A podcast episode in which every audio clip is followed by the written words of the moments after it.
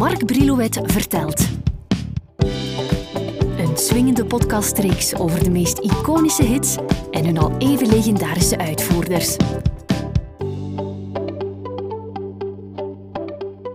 Het is niet mijn gewoonte, maar ik zal met een datum beginnen. De 27 november 1971 werd in Amerika het nummer American Pie op single uitgebracht.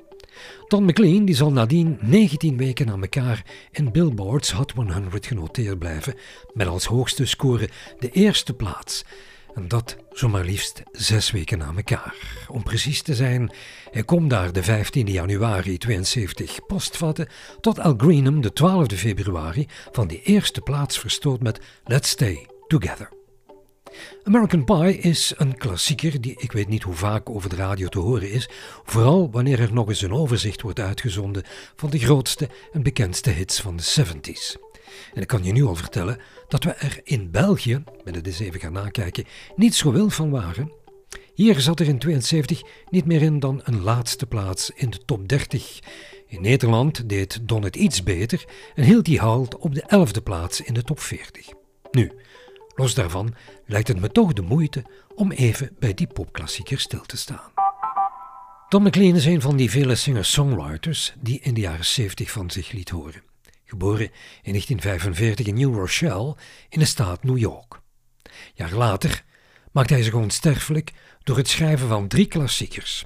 U kent ze: American Pie, Vincent en And I Love You So, dit laatste, uit zijn allereerste album Tapestry dat hij in 70 eh, uitbracht, maar dat aanvankelijk geen meevaller werd.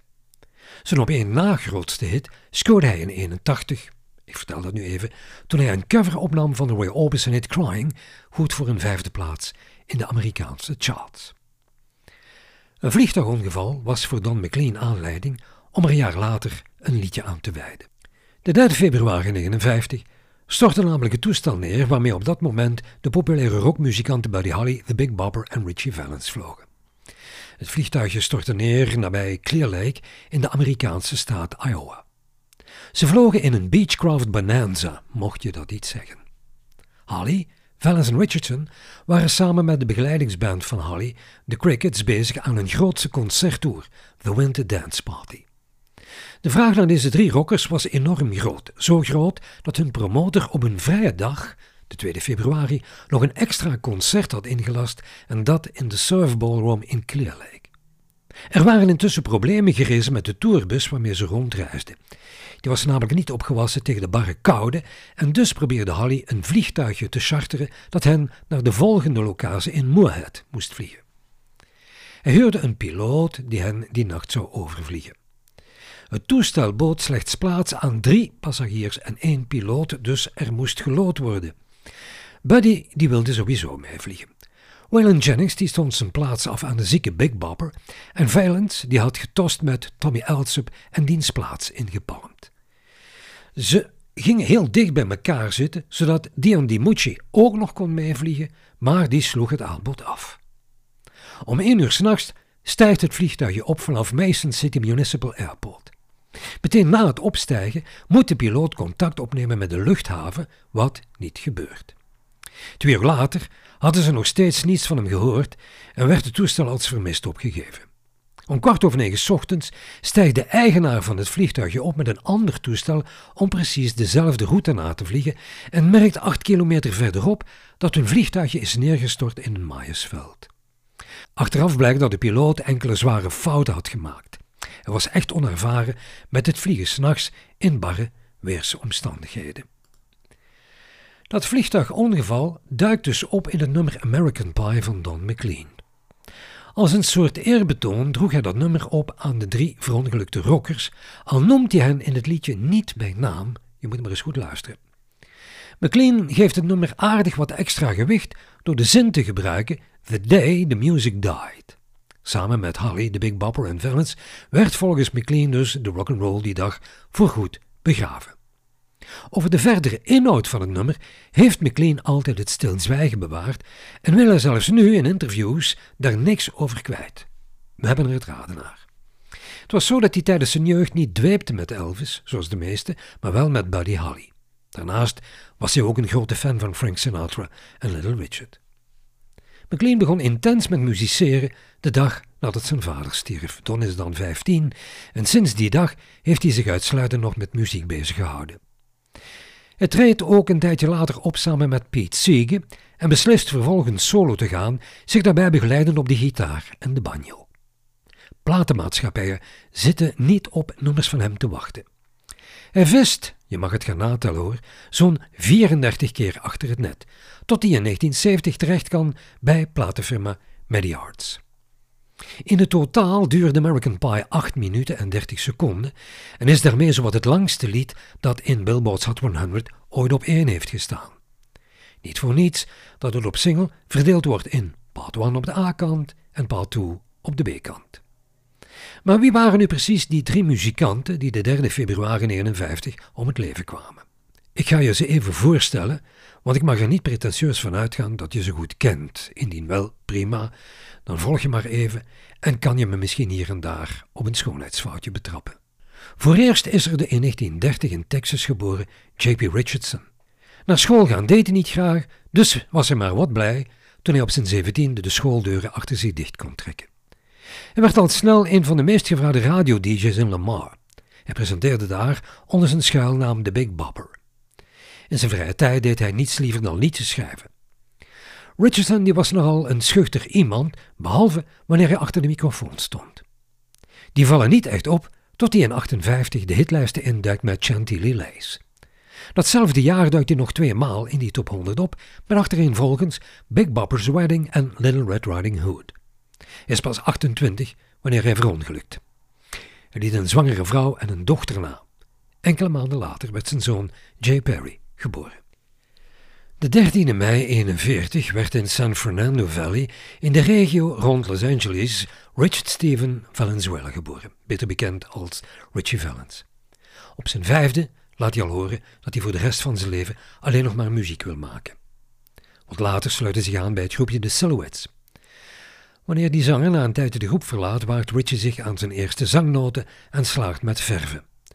Al snel krijgt hij de bijnaam The Little Richard of the Valley en zingt zich op die manier in de kijker van Bob Keane, eigenaar van het Delphi Records label in Hollywood. Die had hem al zien eh, optreden in een bioscoop in San Fernando en uitgenodigd voor een auditie in zijn studiootje in Silver Lake. Richard tekent een contract bij hem en noemt zich van af Richie Valens. De demo's die hij in de studio van Keane opneemt, worden nadien nog eens overgedaan in de Gold Star Studios in Hollywood. Tijdens een zomeravond in de maand juli van 58 blikken ze Come On Let's Go in. Het wordt meteen een behoorlijke hit, goed voor een 42e plaats in de Amerikaanse top 100. Veel beter wordt er gescoord met de volgende single Donna, opgedragen aan een vriendinnetje. Het wordt een singeltje met een dubbele A-kant, want er wordt ook getipt op La Bamba. Dat is een Mexicaans liedje dat veel in Veracruz werd gezongen en het werd geschreven in een soort son garrojo-stijl. Je hoort zowel Spaanse als Afrikaanse invloeden. De bekendste song in dat genre is La Bamba. Het is pas wanneer Richie in 58 dat monument van een rockversie voorziet dat het in Europa stevig doorbreekt. Dat verhaal van Richie inspireerde in 87 Luis Valdez tot het schrijven van het scenario voor de film La Bamba. Voor de muziek werd een beroep gedaan op Carlos Santana, Miles Goodman en Los Lobos, die van La Bamba een hitversie neerplanten. Wanneer La Bamba en Donna eind 58 een hit worden, ziet Richie zich genoodzaakt de school te verlaten en zich voor het volle pond met zijn carrière bezig te houden, al is die jammer genoeg maar van korte duur.